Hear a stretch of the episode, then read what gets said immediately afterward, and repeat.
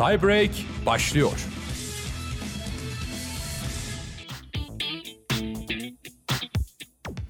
Evet efendim Tiebreak salısından herkese merhaba. Çok güzel bir hafta diliyoruz. Ee, sömestr malumunuz. Ee, yine band kaydıyla sizlerle olacağız. Ee, yoğun bir gündemimiz var her zaman olduğu gibi. Ben Mert Can Arıcı ve yanımda sevgili Enes Can var. Enes hoş geldin. Abi hoş bulduk. Ee, okuldan uzak olduğumuz dönemlerde e, Süper Lig'den de bir hafta uzak kalmıştık. E, daha sonrasında lig başladı ama yani futbola uzak kalışımıza da e, tiebreak'e uzak kalışımıza da ara verdik bence. Evet, çünkü yoğun bir hafta oldu Süper Lig serüveni açısından. E, özlemiştik. Geri döndük diyebiliriz. Yani geri döndük. E, kimimiz açısından güzel, kimimiz açısından kötü bir geri dönüş diyebiliriz. Burada evet. geri dönüşü çift amaçlı kullandığımı zaten anlamışsındır. Yani burada Trabzonspor olarak gerçekten geri döndük biz. Yani hani e, uzatmalarda bilhassa geri dönmüş olduk. E, zor oldu ama e, nereden bakarsan çok kritik bir dönemeç geçildi. E, bizim de rakip olarak bu seneki ikinci maçımızdı. Yani seninle benim açısından bakıyorum. Doğru, doğru. E, gerçekten hani şu var, e, bir, bir hafta ara verildi ve bu hafta da e, biliyorsun lig yok, maçlar yok. E, futbola ara verilince bir özlem oluyor tabii doğal olarak. Yani biz futbol sporuna maalesef e, gönül veren insanlarız. Yani yokluğunu hissedince bu tempolu lig biraz rahatlattı bizi, özlemimizi giderdi diye düşünüyorum. Çokça da olay yaşandı. Çok yoğun bir gündemimiz var diye düşünüyorum. Ee, hani zaman yetiştirebilecek miyiz ona da açıkçası şüphe duyuyorum yani inşallah zaman yeter de her şeyi biraz konuşabiliriz. Birkaç haftadır detaylı Trabzonspor konuştuk, Galatasaray konuştuk, Fenerbahçe konuştuk. Hiç Beşiktaş konuşmadık. Artık ben şey düşünüyordum yani tamam artık önümüzdeki hafta bir Beşiktaş konuşuruz diye düşünüyordum. Beşiktaş'ta yine hiçbir şey olmadı.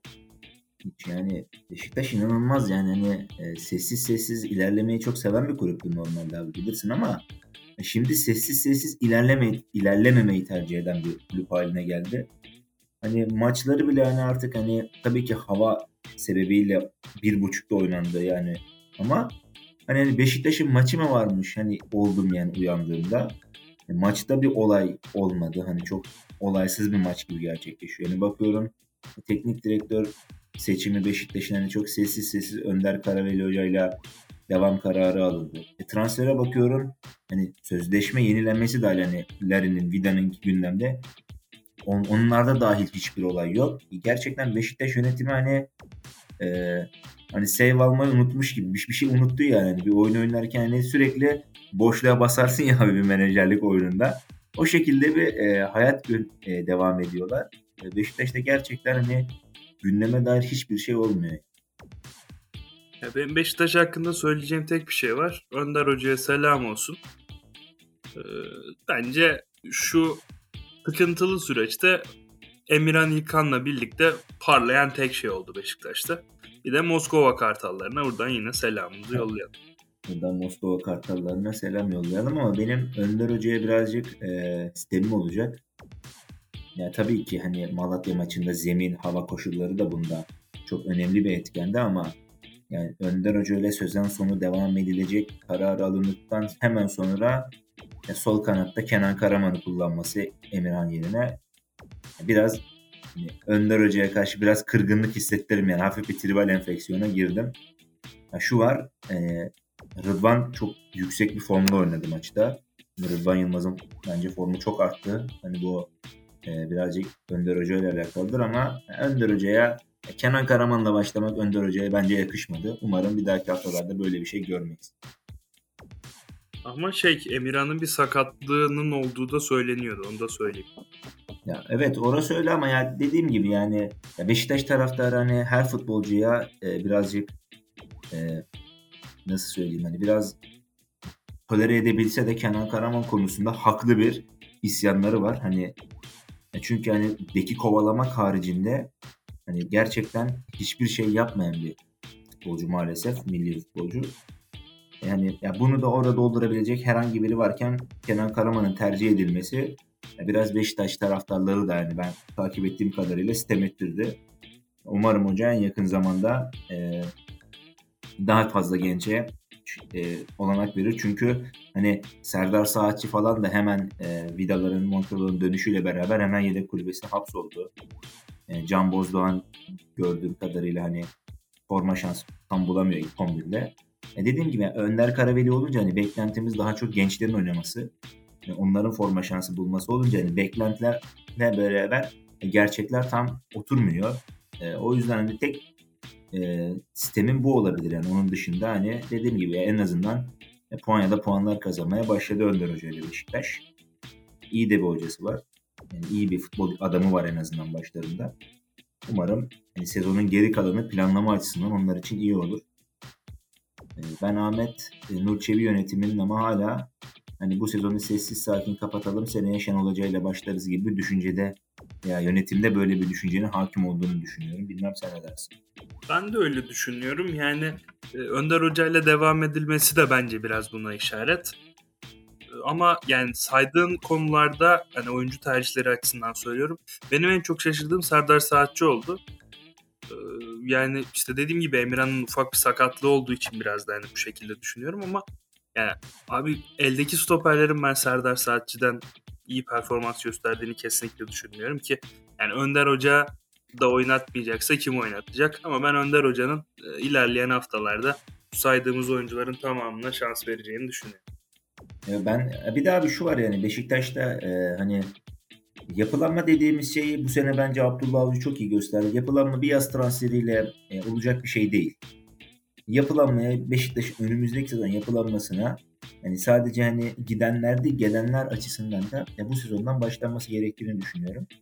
Yani bazı şeyler için çok geç olmadan e, yani bir iki oyuncu takviyesi Beşiktaş yapmalı bence. Çünkü orada eksiklikler var. E, seneye e, büyük kontratların çoğu gidiyor. Evet büyük kontratlar gidiyor ama yerine gelecekleri işte küçük kontratlar mı, orta kontratlar mı hani onları çok iyi tercih edilmesi gerekiyor. Ve hani e, kış transfer döneminde fırsat transferi olarak bir iki transfer hala yapabilir bence. Hiç önemli değil. Hani evet ligde iyi olmayabilirsin ama dediğim gibi hani futbolcuyu şimdiden alıp önümüzdeki sezona daha hazır bir futbolcu da yapabilirsin. Çünkü yaz transferinde kampa yetişmemeler çok gündemde oluyor Türk kulüpleri için. E, ben bu kadar sessizliğin doğru olduğunu düşünmüyorum. En azından e, bir iki transfer haberi ya da işte sözleşmelerle ilgili gelişmelerin yaşanması Beşiktaş açısından olması gereken şeyler en azından. Yani olmuyor ama olması gereken şeyler bence. Ki dediğini şöyle destekleyeyim abi. İşte Trabzonspor şu an en net örnek. Ee, Ocak'ta başladı yani bu kadronun temeli işte Bakasetas Berat transferleriyle Ocak'ta atıldı aslında. Hatta Hocam, tutmamış olduğu için pek sayılmıyor ama Yunus Mallı ha. da bence oraya da. Ben doğru diyecektim yani hani Bakasetas'ın yedeği bile geçen sezondan alındı. Yani onu söyleyecektim yani Bakasetas'ın yedeği yani onun yerine oynayabilecek işte kanatları rotasyonlar kullanabilecek Yunus Mallı bile geçen sezondan alındı. Yani o yüzden Beşiktaş'ın ya bu devre arasını bomboş geçirmesi bence kabul edilebilir bir durum değil yani. Sonuçta hani ya bu bir nevi şu demek mi yani sen taraftarı ikinci yarı maçları önemse ve maçlara gitmeyi mi demek mi? Asla öyle bir şey kabul edilemez yani sen e, Türkiye Kupası'nda devam ediyorsun yani. Ya sen taraftarına bu şekilde bir ümitsizlik aşılamaması gerekiyor bence Beşiktaş'ın. Evet ligde hani şampiyonluk iddialı olmayabilir ama ya ilk üç Beşiktaş için hala yine realistik olmayan bir hedef değil yani Beşiktaş hala ilk üçe girebilir. Ha bunu mevcut kadrosuyla da yapabilir ama mevcut kadrosuna güven aşılama açısından bence Beşiktaş'ta gerçekten bir iki değişime ihtiyaç var. Ki baktığında Trabzonspor'unki mesela daha kısa vadeli bir yapılanma. Nispeten yaşlı bir kadro. Ee, ve ona rağmen bir sezon önceden başladı bu yapılanların temelleri atıldı. Beşiktaş'ta da dediğin gibi inanılmaz bir kontrat bitiş fırsatı var bence. Bu iyi değerlendirilip bence büyük bir revizyona gidilebilir. Hiç konuşmayacağız dedik. 10 dakika ayırmış olduk bu anda Beşiktaş'a. ee, yani, istersen artık maça geçelim. Yani esas diyorsun ki ana menünün e, odağına geçelim. Aynen Beşiktaş'la bir başlangıç ara sıcak attık.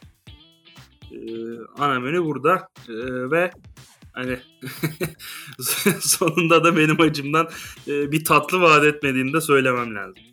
Ya evet biraz yemek fazla pişmiş oldu sizin hocam. Ocaktan geç aldı Torrent Hoca.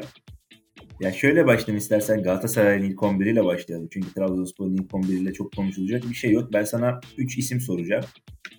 onlar üzerinden ilerlemeyi düşünüyorum. Çünkü geri kalanında bir sürpriz olduğunu çok düşünmüyorum. E, Fatih Öztürk, Ömer Bayram e, ve Emre Kılınç'ın kanatta başlaması tercihleriyle ilgili hemen bir küçük ilk 11 yorumunu alayım Galatasaray için. Çünkü Evet. ben Galatasaray'ın başlangıç planını beğendim açıkçası. Ben de beğendim. Ben de o zaman sana şöyle söyleyeyim. Benim açımdan Galatasaray 11'i Trabzonspor 11'inden bile daha sürprizliydi. Yani Ömer Bayram'ı bekliyor muydun Anadolu? Bir tek onu beklemiyordum. Benim için tek sürpriz o. Şimdi şöyle Emre Kılınç bence Hatay Spor maçında sahanın en iyisiydi Galatasaray adına.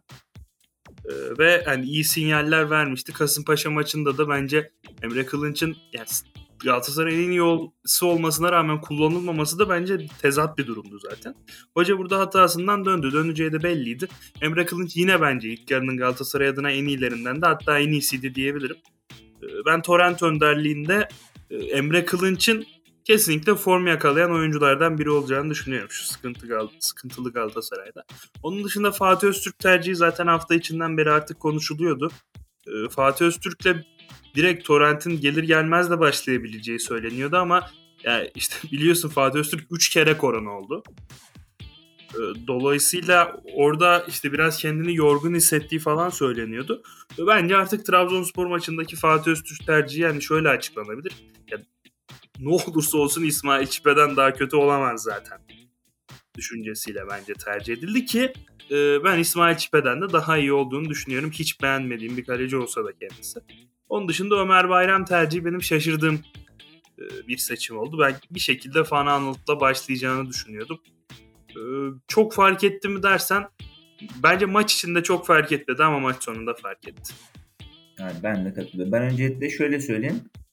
Ee, daha az önce de söyledim. Yani maç önü planında ben Galatasaray'ın ilk 11 açısından hani beklenen, vaat edilen her şeyi ben Galatasaray'ın yaptığını düşünüyorum yarı açısından. Kaleci özeline gelirsek ben bu konuda hani e, geçen hafta yayına katılamadım. Çok bir şey söyleyemedim. Ya şimdi İsmail Çipe hakkında hani yorum yapmak pek istemiyorum ama ya şunu, şunu düşünmemiz gerekiyor bence hani bir spor sever olarak. Yani 27 yaşında kaleye gelen hemen hemen her topu gol yiyen bir kalecin varsa ya sen altyapıdaki bir çocuğa üst yapıya çıkarabileceğinin imajını bile veremezsin. Yani altyapıdaki çocuğun yani gelecekte bir gün Galatasaray forması giyme hayalini elinden almış olursun. Düşüncesindeydim başından beri. Yani 27 yaşındaki bir adam hata yapacağına bırak 18 yaşındaki bir çocuk hata yapsın. En azından hani geleceğinde bir şey olsun diye. Bir, orada acil bir değişim bekliyordum. Orada ama hani yine Fatih tercih edildi ki yani doğru tercih de budur yani benim Hani bir kalecinin çok fazla hatalı gol yiyorsa en azından orada elinde imkan varsa genç bir oyuncu değerlendirmek düşüncesindeyim. Orada işte Fatih değişikliği oldu Galatasaray'da. Bence mantıklı da oldu. Yani Fatih daha tecrübeli bir kaleci. Fatih en azından kaleci öyle bir... Yani, yani Fatih kötü bir kaleci. Yani, yani vasat bir kaleci diyelim Fatih için. Fatih bir kaleci. Yani İsmail Çipe için yani gerçekten Galatasaray'daki tek görevi yani ya mevcut bir kavgayı ilerletmek ya da mevcut bir kavgayı durdurmak olması gerektiğini düşünüyorum uzun yıllardan.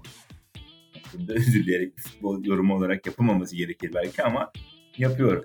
E daha sonrasında Emre Kılınç için hani e, bunu zaman zaman Fatih Hoca da kullanıyordu. Hani yani merkezde kullanıp Bernardo Silva rolü gibi. Yani tabii ki Bernardo Silva alamaz ama hani düşük bütçelisi, hani Türk yapımı olan gibi bir Bernardo Silva gibi hem oyun kurulumunda katkılı olan hem de kanat oyuncusu özellikle bir rol vardı ki bu rolü de yani Torrent'le beraber daha belirgin bir şekilde gördüğümüzü düşünüyorum.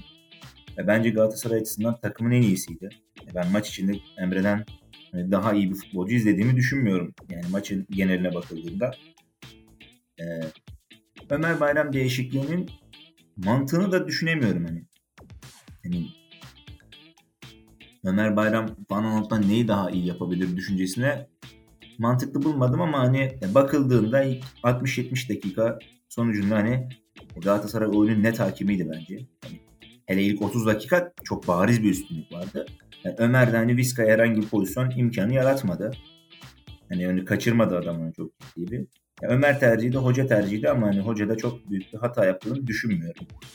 Ondan sonrasında bence gelelim Galatasaray'ın orta üçlüsüne. Hocam istersen biraz bunu bence konuşmamız gerekiyor. Galatasaray'ın bu kadar reaktif bir orta saha üçlüsüyle nereye kadar ilerleyebileceğini sormak istiyorum sana. Yani özellikle lig maçlarında. Şimdi bu Taylan Berkan Çıkıldağ üçlüsü baktığında Galatasaray'ın en iyi oynadığı maçlarda kullandığı üçlü. Ama bu en iyi oynadığı maçlara baktığımızda da hepsi aslında Galatasaray'ın reaktif oyun oynadığında sonuç alabileceği maçlar. Avrupa maçlarından bahsediyorum. Dolayısıyla bu maç özelinde bence Taylan Berkan Çıkıldağ e, güzel bir orta saha üçlüsü. Her ne kadar maç sonunda Taylan çok çok ciddi bir hata yapmış olsa da. Sezon geneline baktığında bunu başından beri söylüyoruz. Bu oyuncular belki ayrı ayrı iyi olabilir. Çıkıldağ'ın ben oyun bilgisini de beğeniyorum. E, faydalı bir futbolcu olduğunu da düşünüyorum ama bu yapıda değil. Berkan Kutlu aynı şekilde bence geçiş oyunu oynayan, reaktif oynayan bir takım için biçilmiş kaftan. Hem pres kalitesiyle hem koşu kalitesiyle ama ayak takoz abi. Yani en en şey kibar tabirle ayağı takoz.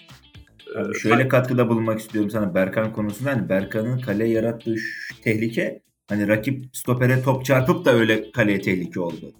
Hani top düz gitse tehlike olmayacaktı Uğurcan için. Yani Berkan'ın şutu rakip stopere çarpınca kontrpiyede kaldı Uğurcan. Onun dışında bir tehlike yaratamıyor. Ona sonra geleceğiz.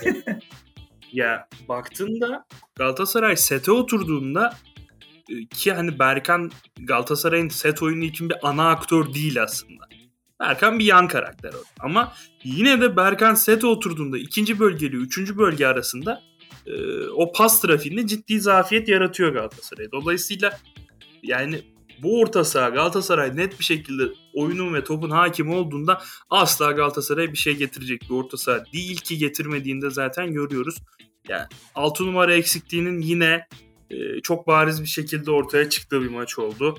E, belki maçın başlarında Galatasaray işte iyi pres yaptığı için Berat Özdemir'e özellikle çok iyi baskı yaparak buradan bir sonuç çıkardığı için orta saha çok sıkıntılıymış gibi gözükmedi ama e, yine de ya Galatasaray'ın nispeten bu oyununa uygun orta saha üçlüsünün bile zaman zaman yine aksadığını gördük. Özellikle de 45-70 arasında. Ki 70'ten sonra da işte oyuncular biraz yorulunca, o pres kalitesi de düşünce Trabzonspor işte Galatasaray orada Feguli ile top yaparak cevap verdi falan ama bir şekilde oyunun hakimi olarak kalmaya devam etti ki baktığında e, Trabzonspor ligin yaşlı takımlarından biri diyebileceğimiz bir takım. Evet hani bu maçta işte Hamşik falan yoktu. O yüzden yaş ortalaması otomatik olarak biraz daha düşüyor ama en azından genç bir takım diyemeyiz hiçbir şekilde. İşte Vişçası var, Vakayemesi bilmem nesi. Ee, dolayısıyla oyunun son 20 dakikasında Trabzonspor'un Galatasaray'dan daha diri gözükmesi bence Galatasaray adına oyunsal anlamda bu maçtan çıkarılabilecek derslerden birisidir. Onun dışında ben özellikle ilk yarıda Galatasaray'ın gayet iyi bir performans gösterdiğini düşünüyorum. Ee, şunu belki hani Galatasaray orta sahasıyla alakalı söyleyebiliriz. Orada bir oyuncu değiştiğinde ben diğer iki oyuncunun e, katkısının ve performansının biraz daha farklı olabileceğini düşünüyorum. Ama şunu da söyleyeyim. Bunu Emre Özcan da yazmış. Direkt kopyala yapıştır yapıyorum yani. E, %100 katılıyorum çünkü.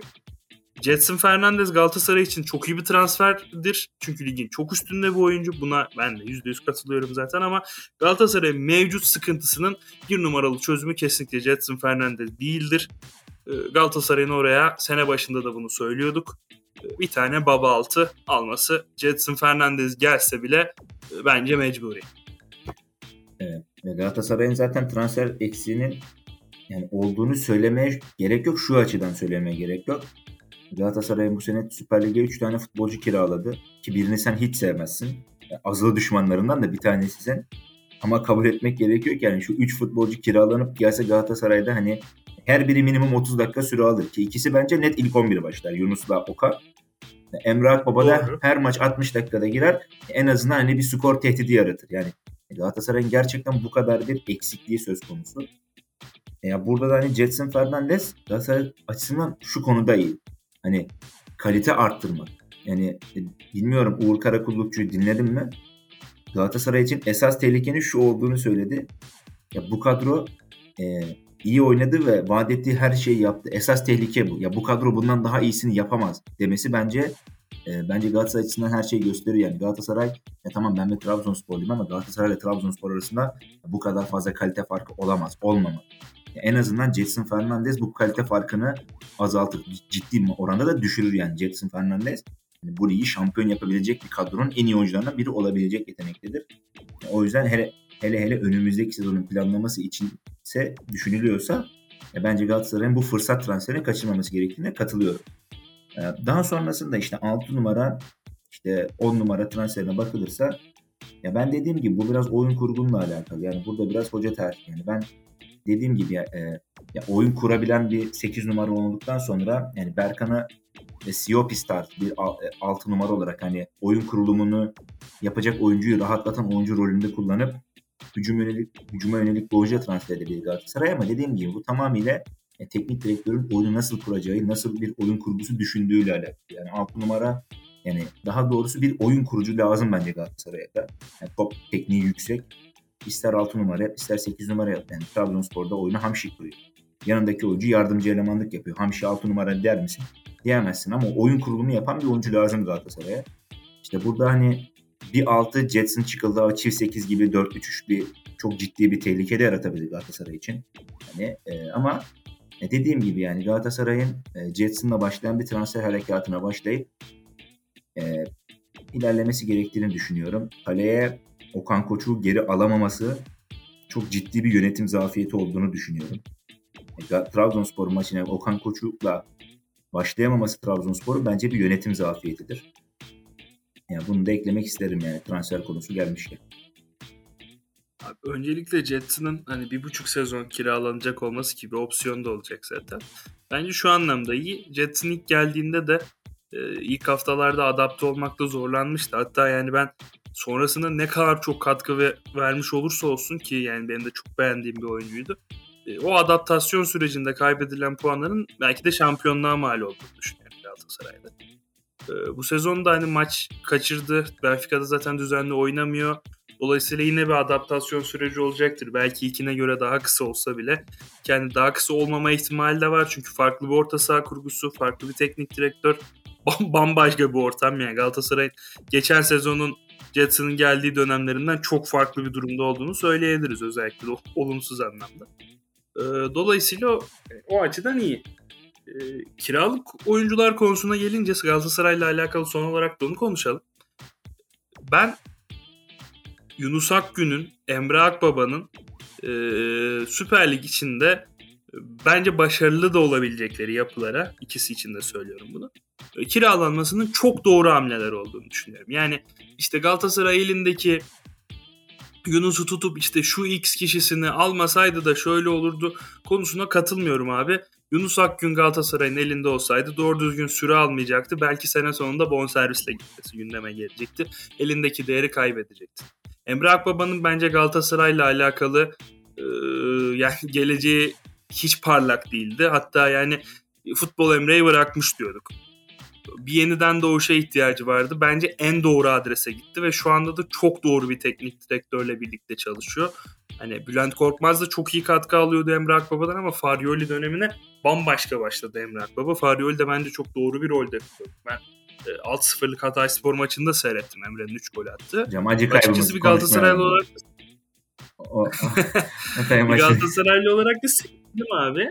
E, çünkü Emre Akbaba bence gelecek sezon e, Galatasaray'a gelip katkı verebilecek duruma kesinlikle gelmiştik. 10 gole ulaştı.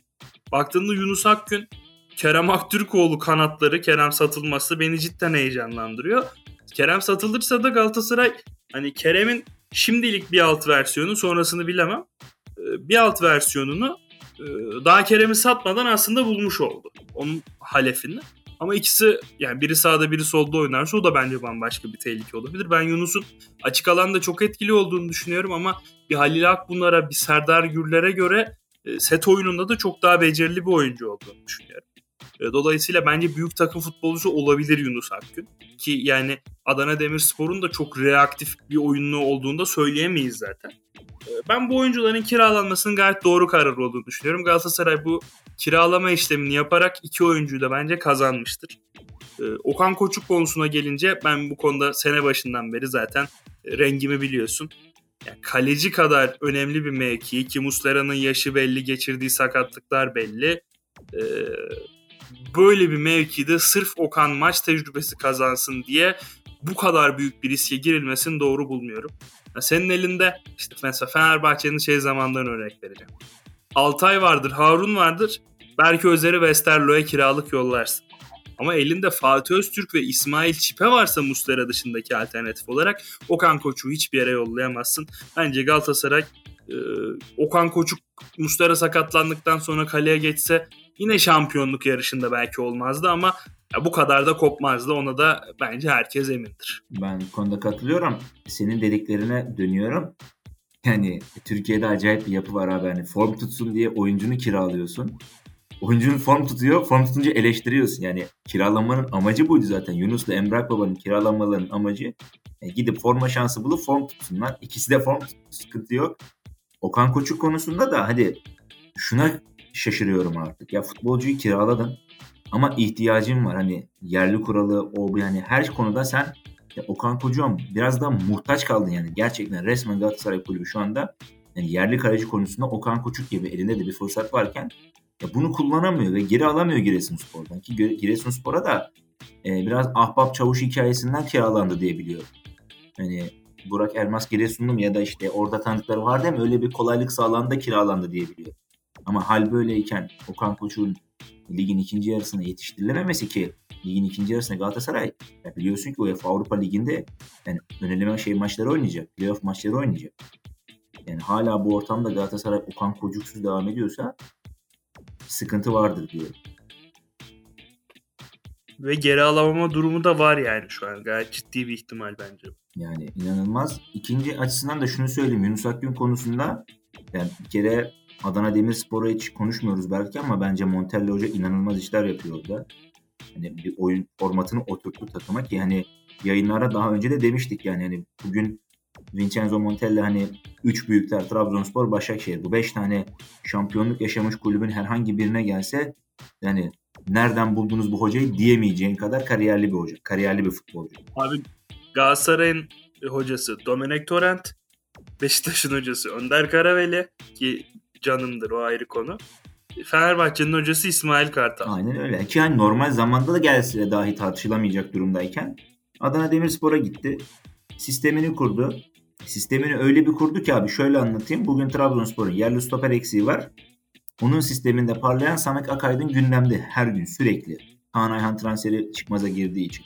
Buradan da biraz e, bir ne denir duyum atalım dinleyicilerimize. Yani adamın sistemi gayet iyi. Sisteminde Samet de parlıyor, Yunus da parlıyor ki Yunus'un ben e, açık alan oyuncusu olduğunu değil. Ben set oyunda da Yunus'un çok başarılı. Hani şutör özellikleri falan var. Pas özelliği zayıf değil. Yani ben Yunus'un önümüzdeki sezon e, Kerem satıldığı takdirde yani sağda çok iyi sağ kenarda çok iyi işler yapabileceğini düşünüyorum. Gerçekten o özgüveni de kazanmış durumda. Hocasıyla da diyaloğu çok iyi. Biliyorsun golden sonra Vincenzo Montella'nın gol sevincini falan da yaptı. Yani bence Galatasaray için Yunus Akgün çok önemli bir değer. Emre Akbaba için de hani yer e, yerli kuralın olduğu yerde şu form durumundan dönüp yani gösterdiği performansının yarısını bile sergilese Galatasaray'da ciddi bir rotasyon kaynağı olur, ciddi bir skor tehdidi olur diye düşünüyorum. Ya süre alacağı garanti. Aynen. Şimdi biraz Trabzonspor'a bakalım Peki. istersen. Artık geçelim Trabzonspor'a. Ee, ben pası sana şöyle atayım. Şimdi özellikle ilk yarım saat 40 dakikada çok iyi bir Galatasaray gördük ve Trabzonspor'u e, yani sindirdi desem herhalde işte yanlış olmaz. E, büyük oranda da bunu Berat Özdemir'e uyguladığı baskıyla yapmayı başardı Galatasaray. E, peki yani şimdi bunu işte Galatasaray çok iyiydi, istediği oyunu oynadı diyerek geçiştirmek mi lazım yoksa Trabzonspor'un bu sekanstan bazı dersler mi çıkarması lazım? şimdi abi bir kere e, şimdi bak Trabzonspor puan farkıyla liderse bunun birincil sebebi Başakşehir teknik direktörümüz Abdullah Avcı'dır ama bu konuda sürekli eleştirdiğim bir nokta var. İçeride dışarıda nerede oynarsa oynasın Abdullah Avcı ilk 30 dakika aman hemen bir tedbirle maça başlıyor. Her zaman bunu yaptığı, yaptığı iş yani. Bu sıkıntı değil. Yani bu oyun durumunda orta sahada da Berat gibi e, baskı yediğinde çevre kontrolü zayıf bir oyuncu olduğu zaman e, Trabzonspor çok büyük sıkıntılar yaşıyordu ki e, hatırlıyorsan Beşiktaş maçında e, Bakasetas sakatlandığı zaman e, Siopis oyuna girdiği zaman Trabzonspor çok rahatlamıştı. Hatırlıyor musun o maçı? Aynen hatırlıyorum yani, abi. Çünkü o ön alan baskısına karşılık verebilecek dirilikte bir oyuncu gerekiyordu. Trabzonspor yerli kuralından sebebiyet Siopis'i kullanamadı. E şimdi böyle olduğu zaman e, senin takımın ileri doğru bir atak yapmıyor. Rakibin gelmesini de, yani tam rakibin gelmesini de tam beklemiyor. Ortada kontrollü bir oyun sergilediği zaman ya oyunun nasıl yönleneceğine rakip takımın teknik direktörü karar vermiş oluyor. Burada da birazcık rakip takımın teknik direktörü e, kendi e, kurguladığı stratejiyi sahaya yansıladı, e, yansıttı. E, Trabzonspor bekledi yani rakibine göre reaksiyon olmayı tercih etti. Trabzonspor gol yedikten sonra oynamaya oynamak istese dahi e, uyanamadı Trabzonspor yani. O devre bitiş düdüğü gelene kadar uyanamadı ki bu durumda yani kalesinde Uğurcan değil de yani başka bir kaleci olsa devreye 2-0 girecek. 2'yi yese de bence maç biterdi. Yani 2 yese maç biterdi. En iyi ihtimal işte 2-2 olurdu kalite farkıyla. Son dakikalarda ben Trabzonspor'un da çok iyi düşünmüyorum ki oraya da geliyor. İkinci yarı olduğu zaman işte ben seninle de konuşuyorduk.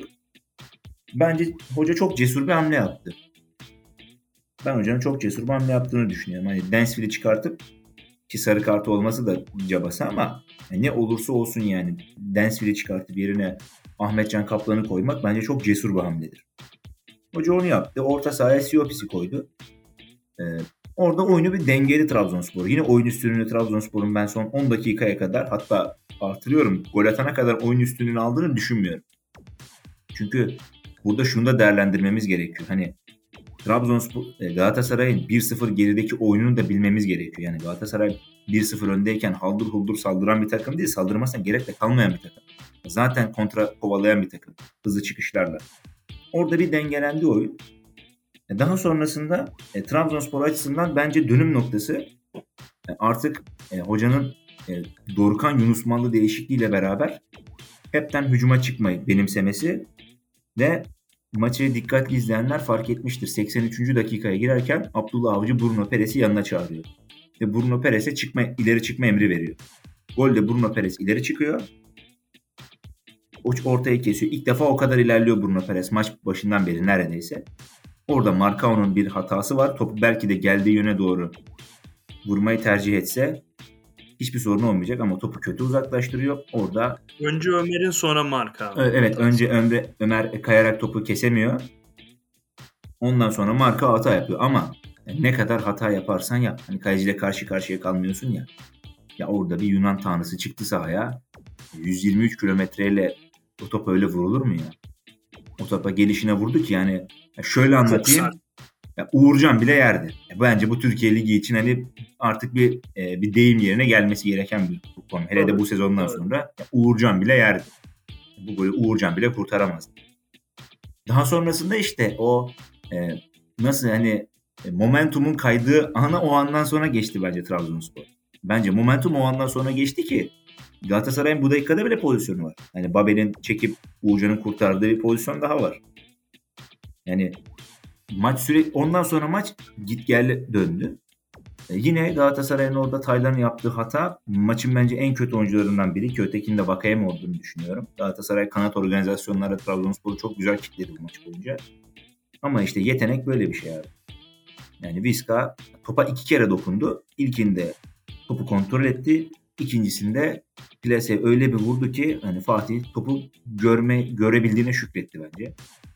E, yani Trabzonspor bu maçı bence taktikle mi kazandı? Hayır. Yani sadece şansla mı kazandı? Asla. Hani o dakikada orada bulunabilmek de bence yeteneğin ya da işte çalışmanın bir katkısıdır ama e, Trabzonspor açısından hani bu kazanılan maçtaki e, kilit kelimeler ne diye bana sorsan e, birincisi birliktelik, ikincisi yetenek derim. Yani bunu hani Uğurcan'ın kurtardığı goller açısından da attığı goller açısından da Trabzonspor'un hani e, yetenekle kazanılmış bir galibiyeti olduğunu düşünüyorum. E, dürüst yoruma gelirsek bence maçın hakkı hani beraberlik bile hani e, hafife yama kaçabilir yani. Trabzonspor'un ben çok iyi oynadığını düşünmüyorum. Çok iyi hazırlandığını da düşünmüyorum. E, ama sadece son 15 dakikaya baktığımda e, o lider karakterin getirmiş olduğu birliktelik ve yeteneği Trabzonspor'un Galatasaray gibi deplasmanda e, galibiyet almasına ettiğini düşünüyorum. Şöyle başlayayım. Ee, kalite dedin, yetenek dedin. Büyük maçları baz alacağım sadece. Sezon başı ilk Galatasaray maçı 2-0 oluyor. Ee, işte Vakayeme ikinci golü atıyor. Bence hani bireysel yetenek var. Fenerbahçe maçına bakıyorsun. Fenerbahçe Trabzonspor Trabzon deplasmanı lider geldi hatırlarsan. Ee, işte Bakasetas bir free kick atıyor. Maç çözülüyor. Ee, rakip zaten o kişi. Beşiktaş maçına bakıyorsun. Hamşik işte bir iki ara top atıyor. öne geçiyorsun. Ee, Abdülkadir'in golüyle. Son dakika kötü bir maç geçiren bence. Vakayeme yine çıkıyor bir şeyler yapıyor maçı kazandı. İşte bu Galatasaray maçına geliyorsun abi. Hiçbir oyun yok. Bu sefer Vakayeme bir şey yapamıyor. Hatta hani ben Galatasaray kazanmış olsa bir şey tweet atmayı düşünüyordum. İşte maç sonu Saşa Boyan'ın cebinden çıkanlar işte anahtar telefon, Vakayeme fotoğrafı. Ben ne atmayı planlıyordum. Sonra elimizde patladı en kibar tabirle. Ee, Vakayeme bir şey yapamıyor. Etkisiz diyorsun. E bu sefer bir Bakasetas vuruyor. Bir Vişça vuruyor. Ee, belki sezonun en kritik iki galibiyetinden birini alıyorsun. Diğeri de bence Beşiktaş maçı. Ee, abi yani kalite oldu mu bir şeyler beraberinde geliyor. Tabii ki sadece kaliteyle olmaz ama e, sıkıştığın anda da bu kaliteli ayakların yaptığı şeyler çok önemli. Gelelim maçın içine. Ee, Abdullah Avcı'nın Berat Özdemir'i bence devre arasında çıkaracağı. Çok netti çıkarmasaydı yani şöyle bir 10-15 dakika bekleyeyim bile deseydi büyük sıkıntılara sebebiyet verebilirdi bence bu durum. Ee, bu konuda bence e, hemen aksiyon alması çok olumlu. Orada Hamşik oyuna girmediğine göre demek ki oynayabilecek durumda değilmiş çıkarımını yaptık hepimiz herhalde. Ee, ama Siopis'in de büyük oranda hani Galatasaray'ın orta sahada kurduğu üstünlüğe cevap verdiğinde söyleyebiliriz. Hamşik olsaydı farklı bir şekilde cevap verecekti. Ama Siopis de orada ısırganlığıyla, temposuyla e, bence bir şeyler kattı. Tabii ki maçın farklı etmenlerinin de etkisi oldu ama ya bana şunu söyletti abi. Galatasaray orta sahasının maksimum üstünlük kurabileceği orta saha Berat Dorukan. Daha fazlasına kuramıyor. Ee, şuna gelelim. Trabzonspor bence 45-65 arasını falan kötü oynamadı öncelikle. Galatasaray'a göre daha üstündü bence. Ee, ama sonrasında Domenek Torrent'in Feguli hamlesi ki e, ben hani çok emin değilim. Tutabilir de tutmayabilir de kafasındaydım. Bence Feguli orada oyunu tutma noktasında fena iş yapmadı. Birkaç pas trafiğini koordine ederek Galatasaray aslında o biraz baskıdan çıkardı, rahatlattı. Derken işte son dakikalarda bireysel hatalarla goller geldi. Ama şöyle bir hatırlatma yapayım abi. Bu bir Liverpool'un yakın dönemde işte tek şampiyonluğu zaten çok çok iyi olduğu sezonu hatırlıyorsunuz. İşte neredeyse sezonun çok büyük kısmını namalup geçti. Sonra işte Watford mağlubiyeti geldi. Burada sürekli Liverpool'la alakalı şu deniyordu. Yani ben de Liverpool'u çok sevmeyen biri olarak e, ben de bazen homurdanıyordum. Ya abi hep son dakikalarda atıyorlar, hep son dakikalarda atıyorlar. E, ve işte hep rakip hata yapıyor. E, ama yani bu belki bir maç olsa, iki maç olsa bir tesadüf olabilir. Ama bunu sezona yaydığında aslında bu çok da bir tesadüf değil. Trabzonspor'da da bu maç özelinde şöyle bir şey söyleyebilirim. Evet Markan'ın bireysel hatası var. Golde bence büyük hatası var. Ömer Bayram'ın büyük hatası var. Son golde Taylan Antalyalı'nın büyük hatası var. Fatih Öztürk'e kızıyorlar. Ben Fatih'in orada çok bir hatası olduğunu düşünmüyorum. Yani en doğru tercih Taylan değildi ama e, Taylan'a atması da hata da sayılmaz bence. Orada Taylan'ın çevre kontrolüyle alakalı problem var. Ya şimdi bu hataları yapan tarafa tepki gösterirsin ya da eleştirirsin. Hepsi eyvallah ama ya bu hataya zorlamak da bence bir değerdir. Trabzonspor'un e, daha yaşlı bir takım olmasına rağmen özellikle ön tarafının fiziksel olarak diri kalması, e, son dakikaya kadar Galatasaray'ı zorlayacak o baskıyı yapması e, bence burada Galatasaray'ı eleştirdiğimiz kadar Trabzonspor'da takdir etmemiz gereken. Yani bunu sadece işte rakip bireysel hata yaptı değerlendirdik diye açıklayamayız bence. Abdullah Avcı'nın burada vazgeçmeden o baskıyı kurması, senin dediğin gibi mesela Perez öne göndermesi ki e, gol oradan geldi. Ve hani şöyle de bir şey var. Şimdi Kerem Aktürkoğlu ligin belki de kanattaki en büyük 2-3 tehdidinden biridir bu sezon itibariyle. Öbür kanada bakıyorsun Emre Kılınç çok iyi bir maç çıkarıyor. Ee, karşısına İsmail Köybaşı'nı atsan bence intihar. Aynı şekilde Bruno Perez'i çıkarıp Serkan'ı Kerem'in karşısına atsam bence yine intihar. Abdullah Avcı'nın bu noktada Siopis'i almak için bir Türk oyunu alması gerekiyordu ve e, bunun bu tercihin Ahmet Can olması bence e, Trabzonspor adına maçın kırılma noktasıydı. Ahmet Can çok mu iyi oynadı? Çok bir fark yaratmadı ama hata da yapmadı. E, herhangi bir hani maçı tesir edecek hiçbir sıkıntısı olmadı. Gayet iyi bir per, yeterli bir performans ortaya koydu diyelim. E, çok ihtiyaç da kalmadı. Orada işte biraz da olay şeye geliyor. Bu arada onu da söyleyeyim. Yani Galatasaray'ın e, belki Trabzonspor beklerini tehdit edecek iki kanat oyuncusu var ama Trabzonspor stoperini sıkıntıya sokabilecek bir santrafor yok. E, biraz da oraya geliyor tabii ki ama Abdullah Avcı cesur tercihinden ötürü e, Ahmet Can'ı da yeterli performansından ötürü bence tebrik etmek lazım ki e, Stefano Densfield de bence atılmaya en yakın oyuncuydu sahada. O anlamda onun çıkması da Trabzonspor için olumlu olmuş olabilir. Evet. En son dediğinden başlayayım. Densfield sol ayaklı sağ stoper oynadı bu maç ki sağ stoper hiç değil yani. Sol stoper ve sol bek oynayabilen bir oyuncu. Atılmaya çok yakın olduğunu katılıyorum. Onu çıkartması doğruydu. Ya, Trabzonspor özelinden gideyim abi. Abdullah Avcı Trabzonspor'dayken e, benim yani tam yanlış da hatırlayabilirim ama 3 kere cesur karar aldı. Yani tabii ki daha başka vardır ama çok cesur karar aldı 3 kere. E, bu 3 cesur kararından biri geçen yıl e, bir sürü Covid vakası varken kalede Kaan Mora, Morada ile başlayıp sol bekte e, şu an adını hatırlayamadım ki hani beni bilirsin ben Trabzonspor falan çok futbolcu hatırlarım. E, sol bekte altyapıdan bir oyuncuyla başlamıştı. Hani sağ bek Serkan. Faruk. Evet Farukcan. Bak sol bekte Kamil Ahmet sağ bekte Serkan Asan yapabilecekken bunu yapmayıp sol bekte o çocuğa güvenerek yapmıştı ve o maçta Trabzonspor 10 tane eksiği varken deplasmanda Yusuf Sarı'nın golüyle 1-0 yenmişti. Trabzonspor bu sezon içinde e, bir kere daha stopersiz kalmıştı ve e, hoca orta sahadan bir oyuncu devşirmek veya öyle bir şey yapmayı tercih etmeden e, Ahmet Can'a tekrar güvenmişti ve Trabzonspor Kayseri deplasmanında 1-0 galibiyetle ayrılmıştı.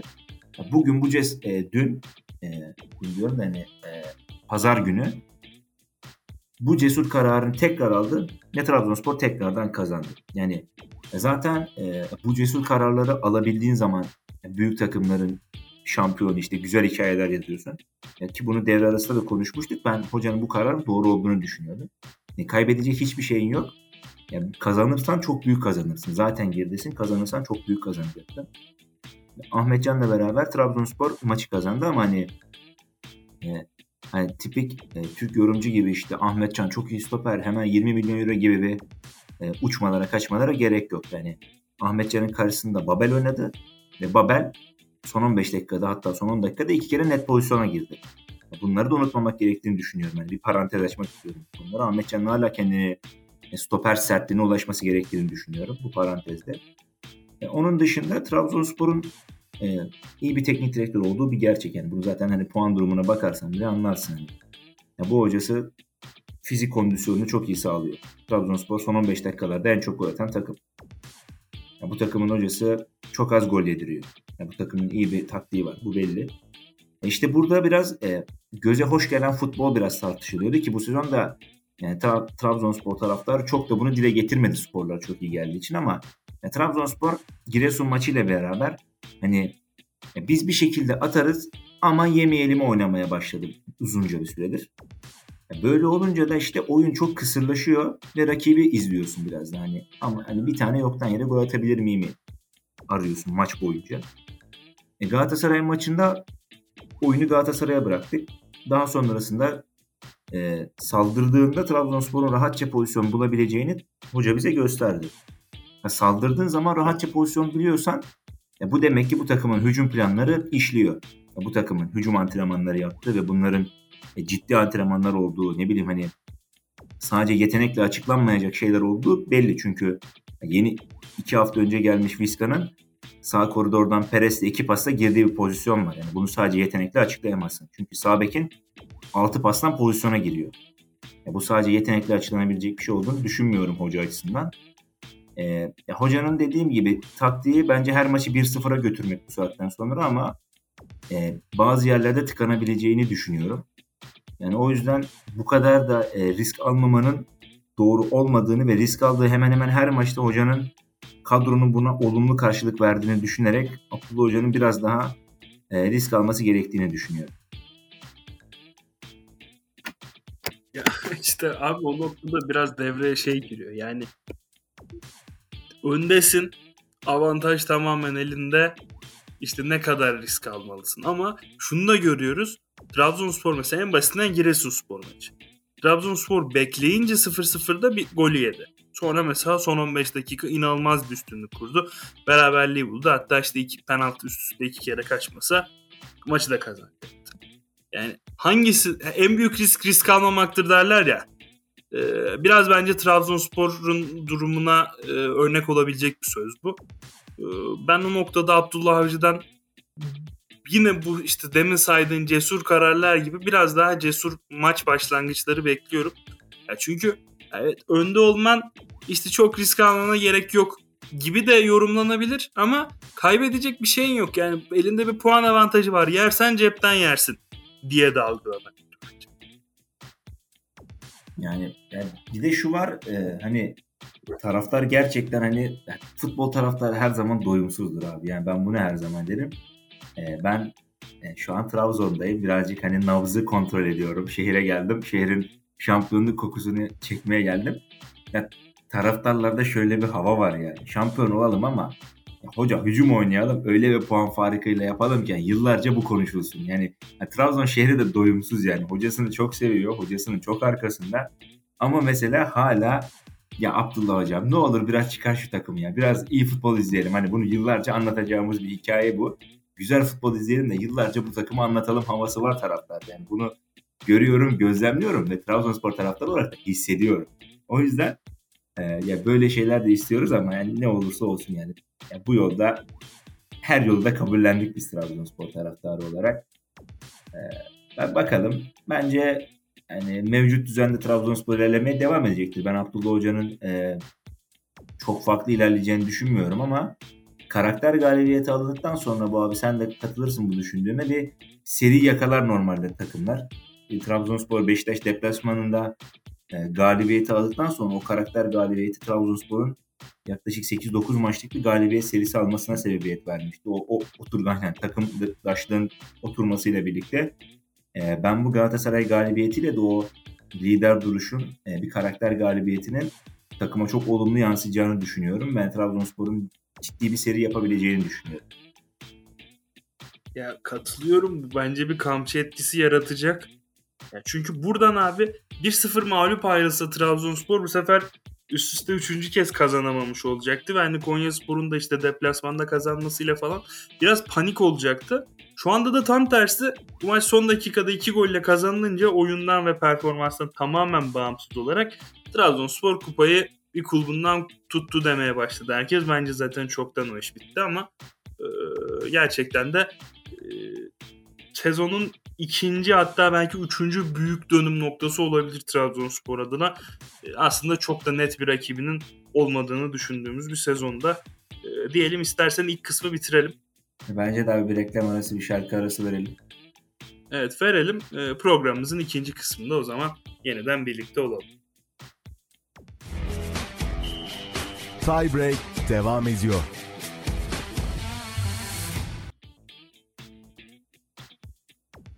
Evet efendim kaldığımız yerden devam ediyoruz. Tiebreak salısına programın ilk kısmında biraz Beşiktaş konuştuk ve yani konuşmayacağız deyip konuştuk.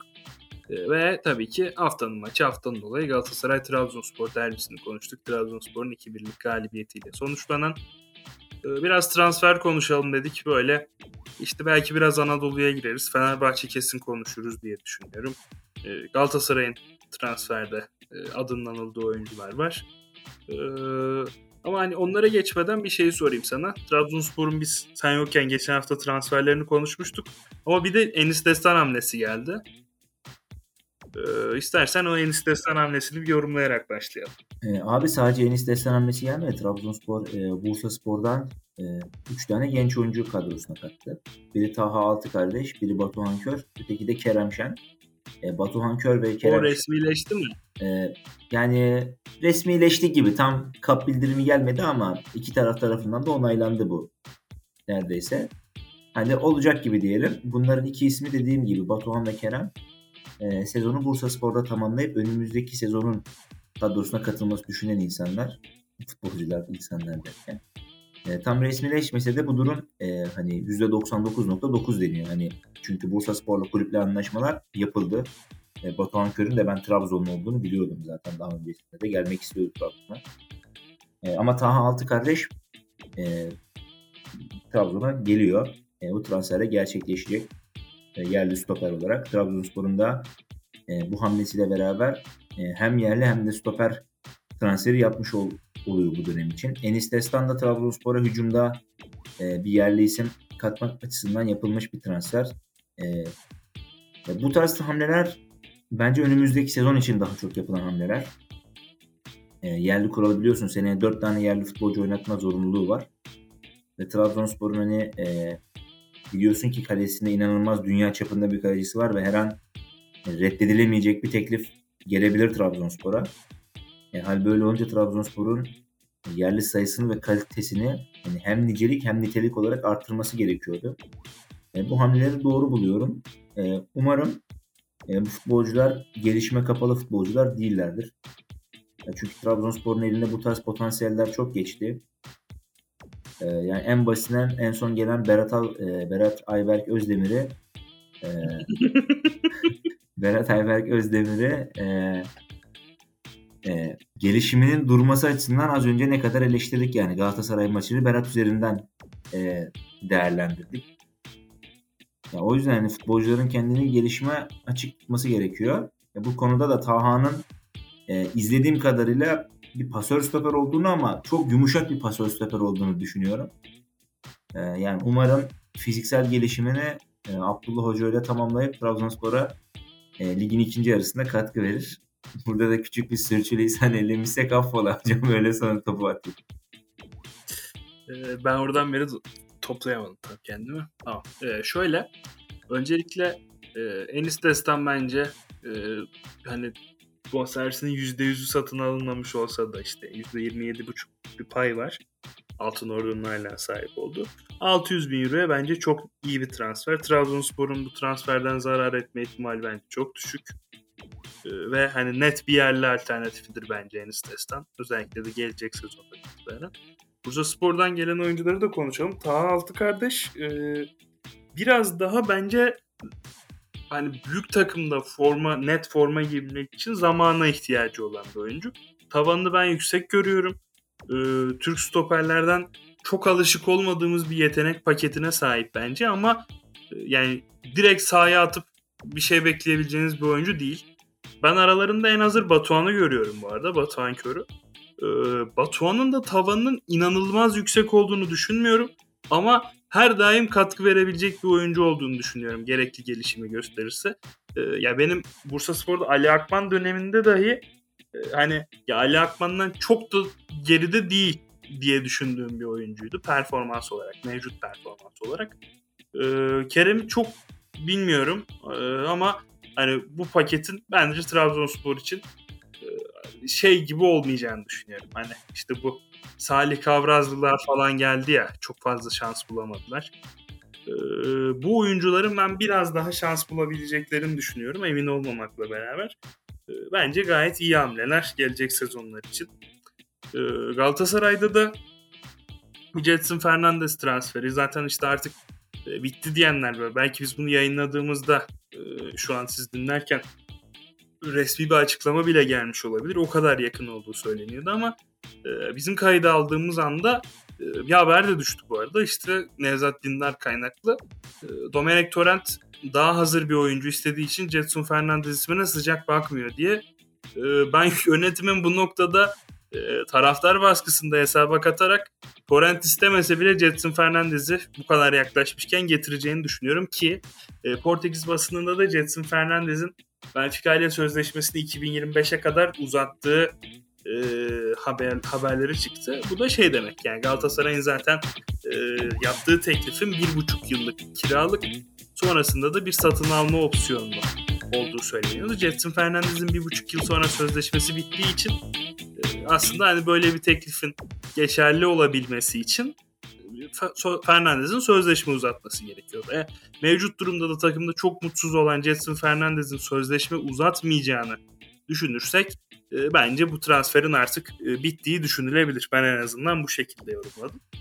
E, kısa vadede de, orta vadede de, uzun vadede Galatasaray için bence gayet iyi bir transfer Jetson Fernandez. Bir de Oral Mangala ismi geçmeye başladı. Oral Mangala Stuttgart'ta bir problem yaşadı ve e, belki kısa bir süreliğine takımdan ayrılması gündeme gelebilir kiralık olarak. Galatasaray'ın da hani kiralık teklif yapabilecek takımlardan biri olduğu söyleniyor. Oral Mangala'nın ben e, orta sahadaki hem pasörlüğüyle hem atletizmiyle Galatasaray'ın aradığı bir profil olduğunu düşünüyorum ve hani bu topla çıkış konusunda işte e, Taylan'ın, Berkan'ın, Galatasaray orta sahasının genel olarak sıkıntılarından bahsettik.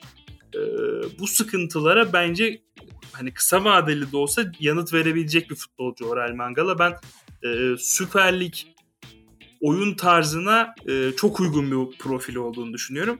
Yani Galatasaray'ın eksikliklerine de nokta atış olacağını düşünüyorum. Transfer gerçekleşebilir mi noktasında bilmiyorum. Bazı şüphelerim var benim. Hatta bayağı şüphem var. E, Galatasaray'da işte Yedlin'le de yolların ayrılacağı söyleniyor. Ben ya Galatasaray'dan hızlı bir şekilde aslında birkaç transfer bekliyorum. Ama bir yandan da hani şu kaosun içinde böyle çok da net isimlerin geçmemesi Jets'in dışında ya da çok çok büyük bir hareketlilik olmaması. Kaleci konusunda işte Sinan Bolat'ın falan ismi geçiyordu. Sinan'ın da sezon sonu sözleşmesi bitiyor zaten. Yaşlı da bir oyuncu. Ona rağmen biraz da Galatasaray'ın bence ee, işte o kanı alamadığı durumda böyle bir kaleciye muhtaç olmasını da fırsat bilerek bir bonservis bedeli talep etmişler. O noktada da sanki bu durum biraz işleri tıkar gibi geliyor. Galatasaray yönetimini de Galatasaray'da zor günlerin beklediğini herhalde söylemek lazım. Abi şuradan başlayayım. Ee, Okan'ı geri alamıyorsa Galatasaray e, Sinan Bolat için para istiyorlar. Ne kadar isteklerini tabii bilmiyorum ama ya şu dönemde 500 bin euro 1 milyon euro harcamamak yani önümüzdeki sezonun 15-20 milyon eurosuna mal olabilir. Hem ligdeki sonuçlandırma hani ligdeki puan durumu açısından hem de UEFA'daki kura şansıyla beraber çıkabilecek bir kura Galatasaray'ın bir sonraki aşama ilerlemesine de sebebiyet verebilir şu anki transfer durumu. O yüzden e, Galatasaray yönetimi e, elini çabuk tutup alabileceği en kaliteli oyuncuları alması gerektiğini düşünüyorum. E, ben Galatasaray'da neden hiç gündeme gelmedi şunu merak ediyorum. Benim bildiğim serinin 6 ay sonra sözleşmesi bitiyor ve ben serinin Galatasaray'da hani bu tarz bir yapıda e, 6 numara oynayıp defanstan top çıkartmada büyük bir kalite katabileceğini düşünüyorum ki e, serinin Galatasaray'ı ne kadar sevdiği de ortada. Hani o pandemiden hemen önceki dön süreçte Galatasaray'ın son yıllarda en iyi futbol oynadığı zamanların baş mimarı biliyorsun seriydi. Ve 6 ay sonra sözleşmesi bitecek. Ben serinin isminin de yakın zamanlarda bir gündeme gelebileceğini düşünüyorum. Onun dışında e, dönem içinde de konuşuyorduk. E, Diavara'ydı sanırım. E, Galatasaray işte Diawara, Mangala tarzı o tipli yani hem fizik açıdan yüksek hem de e, driplingçi, pasör ve altı numara aradığı e, sürekli bir gündemdeydi yani sürekli çalışıyordu. E, Galatasaray'ın oraya o tarz bir transfer yapacağı gerçek. E, Jetson Fernandez transferiyle ilgili yani iki farklı bakış açısı sunacağım. Hani Jetson'ın nasıl değerlendirilmesiyle alakalı. Jetson geçen sene öyle bir Galatasaray'da oynuyordu ki Galatasaray e, averajla şampiyonluğu kaybetti. E, bu sezon geldiği takım belki de averajla kümede kalmayı garantileyecek. Öyle bir takıma geliyor Jetson. Hani onun içinde hani geçen yıldan çok farklı bir Jetson izleyebiliriz. Sonuçta kiralık gelen bir oyuncu. E, sözleşmesi garanti edilmemişse tekmeden ayağını kaçırabilecek bir oyuncu diye düşünüyorum. Kiralık oyunculara her zaman bakış açım budur. Ve ikinci şart olarak da hani Domenech Torrent açısından buna bakış açımda. Hani şöyle düşün. Yani senin bir yerde bir ay sonra e, pazarlama müdürün e, emekli olacak. Gelecek 6 yılı hedef alan bir satın alma hakkında bir karar bildiriyor yani. Domenic Hocam 3 maç 3 mağlubiyet. E, taraftarın ayılıp bayıldığı Jetson Fernandez için ben daha iyisini istiyorum. Bunu almayın demek hani şey gibi hani hatırlarsan hocam bu e, Vitor Pereira e, basın toplantısında başkanımızla aramız çok iyi deyip gülmüştü yani. Beni, beni kovun demek gibi bir şey bence bu. Domenic Torrent'in yaptığı. E, gerçekten hani Galatasaray'ın Jetson'a falan çok ciddi ihtiyacı olduğunu düşünüyorum. Ama dediğim gibi yani ya pasör ya da driplingçi bir 6 numarayla beraber e, Galatasaray'ın oyunun ve kalitesinin gelişebileceğini düşüncesindeyim ben de senin gibi. Ya, seri Orel Mangala, Diawara 3 farklı profil. Aynı bölgede oynayan. E, ben bu arada hani üçünün de bir şekilde katkı vereceğini düşünüyorum mevcut oyuncularla kıyaslandığında. E, en doğru profil hangisi olur dersen önünde Jetson, Çıkıldao, Berkan gibi oyuncular oynayacaksa seri bence gayet iyi bir iş olabilir. Çok yüksek bir maliyet de olacağını düşünmüyorum ben. Belki biraz maaş. Hocam bir de... Orel Mangala e... da bence doğru bir profil olabilir. Buyur abi. Hocam bir de hani bir geyik vardır bilirsin işte ligi bilen oyuncu. Hani o tarz şey vardır ya. Seri işte ligi tanıyan oyuncu, ligi bilen oyuncu. Ama bence en önemlisi serinin bu takıma tecrübe katması olur bence. Hani diğerlerinden farklı olarak hani yetenek olarak hani diğerlerinden çok daha iyi olmayabilir ama bence Galatasaray'ın potansiyel yeteneği çok üst düzeyde. Bence birazcık mevcut yetenek ve tecrübe katması seri açısından Galatasaray'a çok farklı şeyler katabilir düşüncesinde. Ya takım baskı yediğinde iki alverle takımı rahatlatsa bile çok büyük iş yapmış olur. Yani ve Galatasaray'ın buna ciddi ihtiyacı var yani. Belki de en çok ihtiyacı olduğu şey.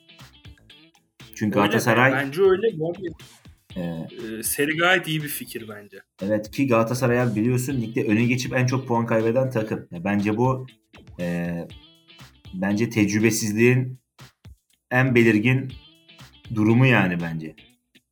Galatasaray takımının çok tecrübesiz olduğunu ortaya çıkartıyor bu durum. Ve işte oyunu tutamamak vesaire vesaire. Ee, işte bir kaleci, bir altı numara, e, Jetson, bir de bir transfer daha gelebilir bence. Yani dört transfer bence şu krizde yine idealdir. Yani dört transfer yapabilir mi Galatasaray dersen emin değilim ben. Ya, bence bu yönetim yapabilir mi bilmiyorum ama hani e, Babel'in gönderileceği konuşuluyordu. E, bence Babel'in gönderilişiyle beraber bir kanat forvet alınabilir. Hem önümüzdeki sezonun planlaması açısından hem de bu sezonu kurtarmak açısından. E, bence bir kanat forvette alınabilir Babel'in gönderilme durumu karşılanırsa maaşının geri kalan maaşının %70'i falan verilerek gönderileceği konuşuluyordu en son dinlediğimde. Ama ne dediğim gibi yani her gün farklı yeni bir haber çıkıyor. Ne olacağını da anlayamıyoruz. İşte Yedlin'den çıkıyor Galatasaray. Ee, oradan da hani biraz belki hem bir yabancı hem de biraz maaş boşluğu oluşacaktır. E, kanat forvet noktasında da aslında uzun süredir ismi geçen bir oyuncu var. E, sol baken. Ben Galatasaray'ın bu projesi için e, alınabilecek en doğru oyunculardan biri olduğunu düşünüyorum sol bakenin. Ama işte Fatih Terim'in gidişiyle ya, beraber proje... Fatih Terim'in gidişi falan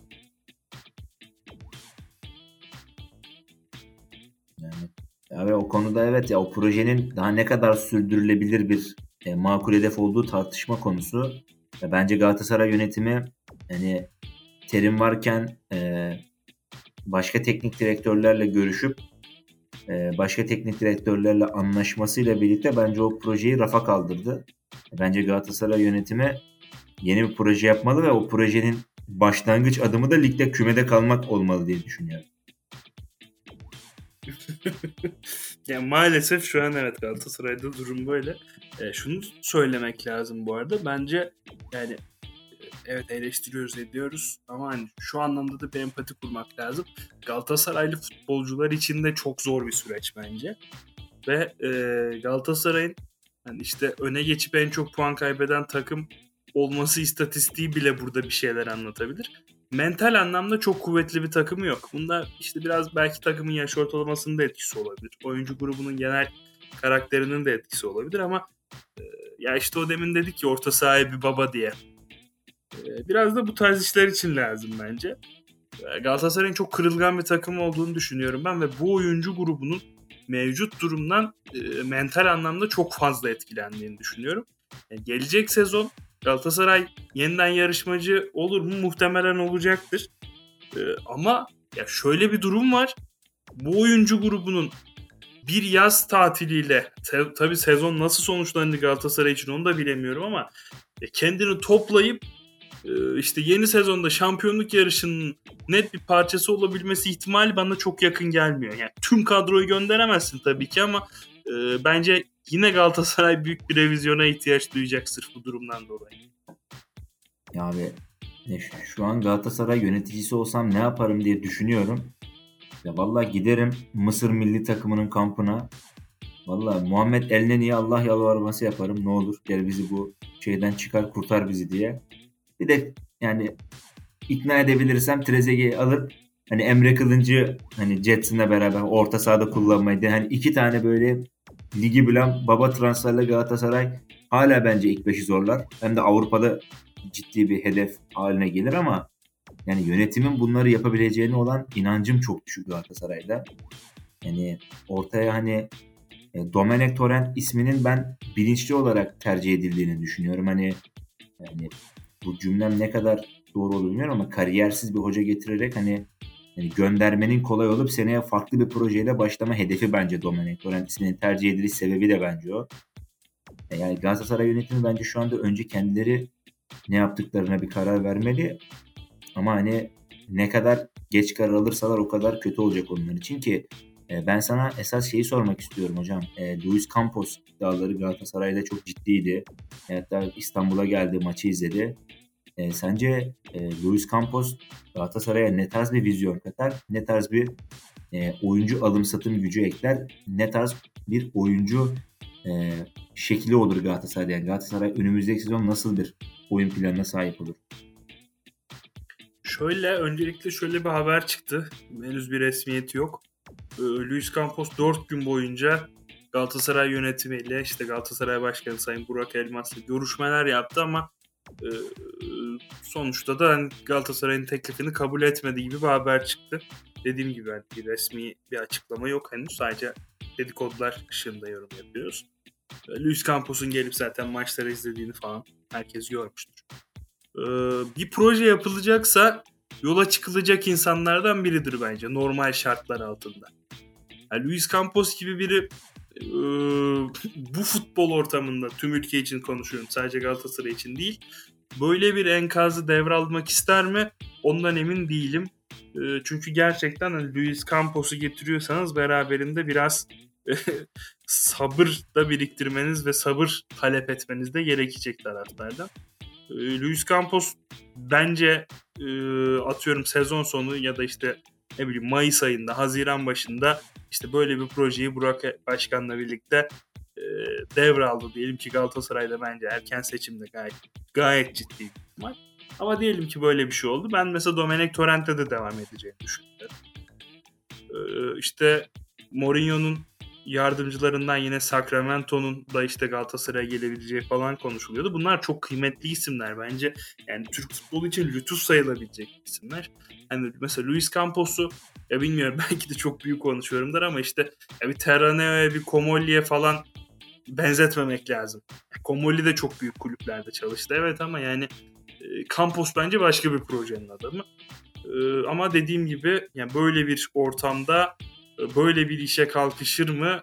Sanki kalkışmayacak kadar da mantıklı bir insan gibi duruyor. Ee, ama Galatasaray'da oraya e, özellikle de Işıtan Gün'ün e, ciddi anlamda yıpranmasıyla beraber ya da belki şapkanın düşüp kelin görünmesiyle beraber de diyebiliriz. Muhtemelen de yabancı çünkü orada bir siper olmasında e, aslında isteyecektir Galatasaray yönetimi. Muhtemelen yabancı bir futbol aklı Campos olur, Mampos olur. Bir şekilde gelecek bence işin sonu. Yani şimdi son dediğin son cümlen yani deme mantığını anlıyorum yani Campos olur Mampos olarak katılmıyorum. Şu manada hani Luis Campos gerçekten e, çok ciddi bir sportif direktördür. Hatta hani Tabii ki orası öyle. Yani e, hatta hocam bilirsin Monchi ile beraber yani bu sektörün yani en meşhur insanlarından bir tanesidir ki Luis Campos'un bundan bir önceki ziyareti Türkiye'ye Yusuf Yazıcı'yı transfer etmek için gelmişti. Ve Trabzonspor o sezon satmayacağını çok iddia etse de gerçekten satılışını hani Trabzonspor yönetimi de istemiyordu ama e, gerçekten hem futbolcu hem takımı ikna edip alıp giden bir isimdi. E, daha sonrasında Nicolas Pepe'nin transfer için Arsenal'le çok ciddi görüşmeler yapıp yani çok ciddi paralar kazandırmıştı Lille kulübüne. E, Galtier'i Lille'in başına getiren isimdi. Yani ciddi bir futbol aklı sunar ve bunun da arkasında durabilecek bir isim. Galatasaray açısından bence çok başarılı olur ama hani hani e, efsanesine bu kadar kredisi olan efsanesine bir e, proje imkanı sunup arkasında duramayan yönetim Luis Campos'a nasıl bir proje sunup ne kadar arkasında durabilir düşüncesindeyim ben şahsen. Çünkü ya proje dediğin zaman kısa dönemli bir proje için Luis Campos'u getirmek mantıklı değil. Ya kısa dönemli projeler için yani e, Türkiye Ligi bunlar için çok uygun değil. Luis Campos da kısa süreli bir proje için uygun bir insan değil. Yani böyle bakıldığında Trabzon e, pardon Galatasaray'ın ciddi bir futbol aklına ihtiyaç olduğunu ben de katılıyorum. Ama hani ya bu tarz kısa süreli bir futbol aklına ihtiyacınız var, vardı madem neden Fatih Terim'le uzun süredir bir proje yapmaya kalktınız? Yani hani ya bu işin en iyisini yapabilecek isim Fatih Terimken hani kısa süreli, orta vadeli bir proje için en iyisini yapabilecek bir isimi gönderip hani uzun süreli yapamayacak bir insanla kısa süre çalışıp kısa süre yapamayacak bir insanla uzun süreyi planlıyorsunuz. Ya gerçekten Galatasaray yönetimini de anlamakta güçlük çekiyorum. Gerçekten e, aylardır eleştirdiğimiz Ali Koç yönetimine çok benzer hareketler yapıyorlar. E, gerçekten e, üç büyükler bu sene öyle yönetildi ki abi Anadolu takımlarının bakıp ibret alabilmesi için bence bu yıl böyle bir yıl yaşandı. Gerçekten inanılmaz işler yapıyor. Ee, Galatasaray'ın bu sezonuyla Ali Koç başkanlığındaki Fenerbahçe'nin ilk sezonu akıl almaz derecede benziyor bu arada. Ee, Luis Campos özelinde söylediklerini bu arada çok güzel özetledim bence. Ee, şunu söyleyebilirim. Sen de işte Lille dönemine atıfta bulundun. Sen de hani Yusuflardan dolayı falan belki yine yakından takip etmişsindir. Abi bu projenin başında e, hani Lille çok da umut verici gözükmüyordu aslında ya da hani sahadaki sonuçlar bakımından söyleyeyim. Çok da umut verici gözükmüyordu. Büyük bir sabrın sonunda Lille e, lig ön şampiyonluğu işte üstüne Şampiyonlar Ligi'nde grup liderliği e, gibi bir e, başarı elde etti. Bu bence çok çok e, değerli bir şey ama çok da sabır gerektiren bir şey. İşte ben Galatasaray yönetiminin e, o kadar sabır gösterebileceğinden emin değilim. Onun da ötesinde Galatasaray yönetimine bu kadar sabır gösterilmeyeceği bence çok net. Dolayısıyla ben hani Luis Campos işinin teoride güzel bir fikir olduğunu ama pratikte hani tutamayacak durumda olduğunu çünkü Galatasaray'ın buna zamanının olmadığını düşünüyorum. Yani yönetiminin de. Abi sana şöyle anlatayım. Ee, Yusuf Lille ilk gittiği zaman lig bir önceki sezon ligi 12. sırada bitirmişti Lille. Yusuf'a hani biz benim arkadaşlarım ki Yusuf'a da hani bir tanışıklığımız var yani bizim mahallemizde büyümüştü. Yani Yusuf'a şöyle şeyler diyorduk. Ya, Lille gidip de ne olacaksın? Şampiyon mu olacaksın dedik ve şampiyon oldu. Yani böyle bir proje vardı orada. Gerçek bir proje söz konusuydu. Yani orası farklı bir yapı, farklı bir futbol kültürü ve Luis Campos da gerçekten çok ciddi bir proje insanı. Yani böyle şeyler olunca e, çok ciddi başarılara imza atıldı.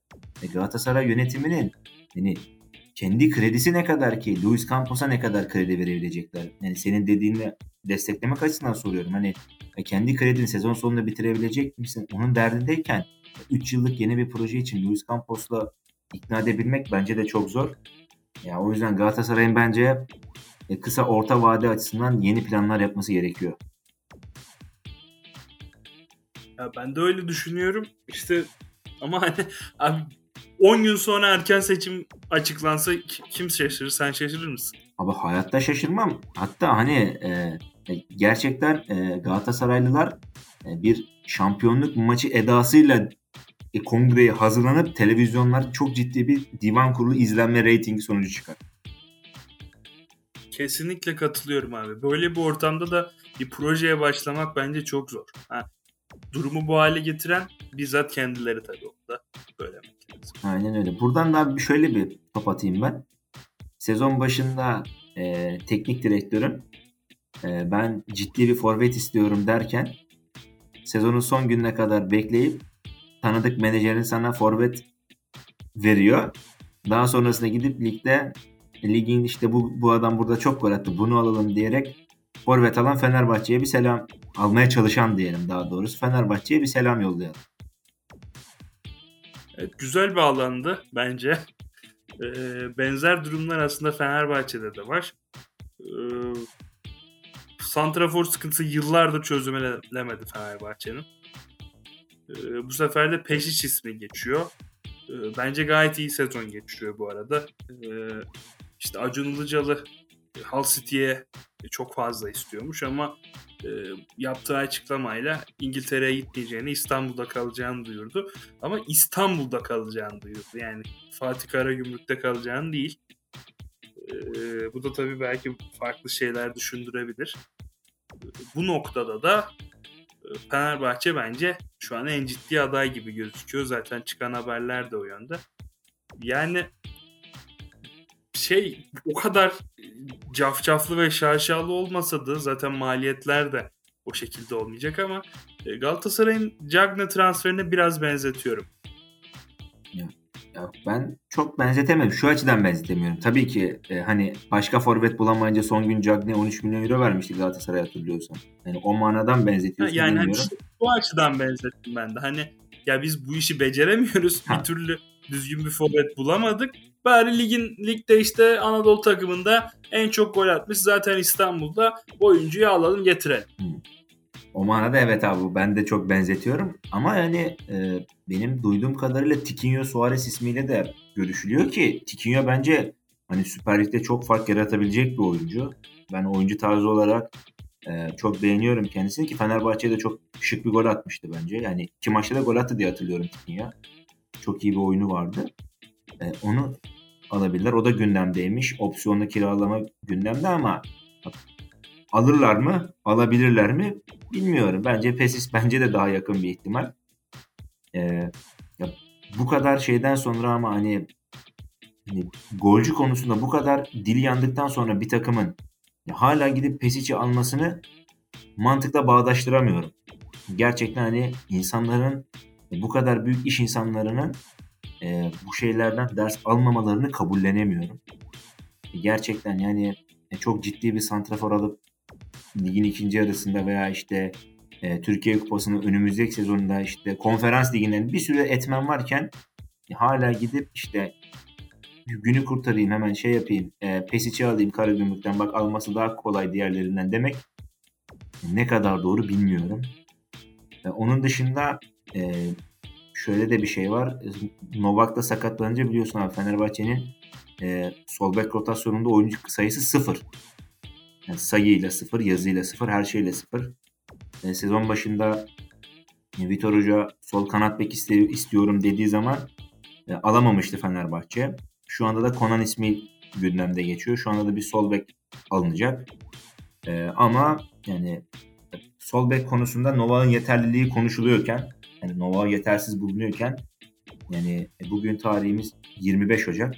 Hala Fenerbahçe'nin e, sol bek sayısı sakatlıklar haricinde sıfırsa gerçekten de buradaki Trabzonspor'un başarısına neden olduğunu da konuşmayalım. Yani Trabzonspor'un e, ligin ilk ikinci yarının ilk maçına 3 tane oyuncu yetiştirdi yani imzalattı. Şamp en yakın rakibine 10-15 puan fark atmışken. Gerçekten e, rakip yönetimlerde karar alma mekanizmaları çok yavaş ve çok yanlış ilerliyor. E, Trabzonspor da bunun tam tersini sergileyerek aslında onlara ders veriyor, ders veriyor, ibret veriyor ama ibret almaktan kaçınan bir yönetim performansları izliyoruz bu yıl. E, hayret ediyorum açıkçası. Sen ne düşünüyorsun bilmiyorum. Ya kesinlikle katılıyorum abi. Yani ya mesela Trabzonspor Vişça'yı almasa yine net şampiyonluk favorisi. Ama alıyor mesela. Ee, Ya da işte Trabzonspor'un da mesela çok ciddi sol bek ihtiyacı var. Fenerbahçe'nin de e, ha Fenerbahçe bence hani Puaç'tan daha yüksek bir profile gitmeye çalışacak ama ne olursa olsun Trabzonspor ikinci yarıya yetiştiriyor. Fenerbahçe yetiştiremiyor. Ya işte bence fark biraz bu noktada yaratılıyor. Yani bu sezon özelinde konuşuyorum. Üç büyüklerle Trabzonspor arasında. E, Yaza baktığında yine aynı durum vardı. Yani Haziran'da Trabzonspor işte biraz da dediğim gibi hani orada daha önce de konuşmuştuk bu konuyu. E, Şampiyonluktan erken kopmanın da etkisiyle erken yaptı hazırlığını. Ligin bittiği gün Trabzonspor çok önemli transferler açıkladı. E, Diğer takımlar kampa oyuncu yetiştiremedi. Yani ya burada bence esas sorun diğer kulüplerle arasında Trabzonspor'un yani kabul edelim Abdullah Avcı ile beraber gerçek bir futbol aklı var. Ve Trabzonspor yönetimi de ya bu biraz e, Aralık ayında seçim olması tabii biraz sebebiyet verdi buna ama hocası ne derse yapmaya çalıştı Trabzonspor yönetimi. Ve hani futbolu futbolun profesyonellerine bıraktığında da neler olduğunu görebiliyoruz. Yani e, başkanlar kadar teknik direktörlerin sözü geçseydi kulüplerde kim bilir neler olurdu yani.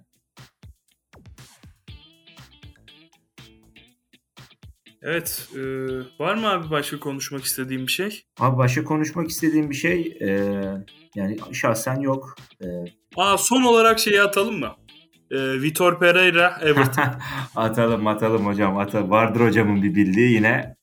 E, bence şu var. E, hani E, bence Everton denize düşüp yılana sarıldı. Bence Vitor Hoca konusunda teknik direktörlük e, tercihlerinde üzülüyorum hocaya. Gerçekten herkes son çare hani kimseyi alamadık bari Vitor Hoca gelsin e, şeklinde öneriyor hoca. Everton da o şekilde yani bilmem süreci araştırdım mı.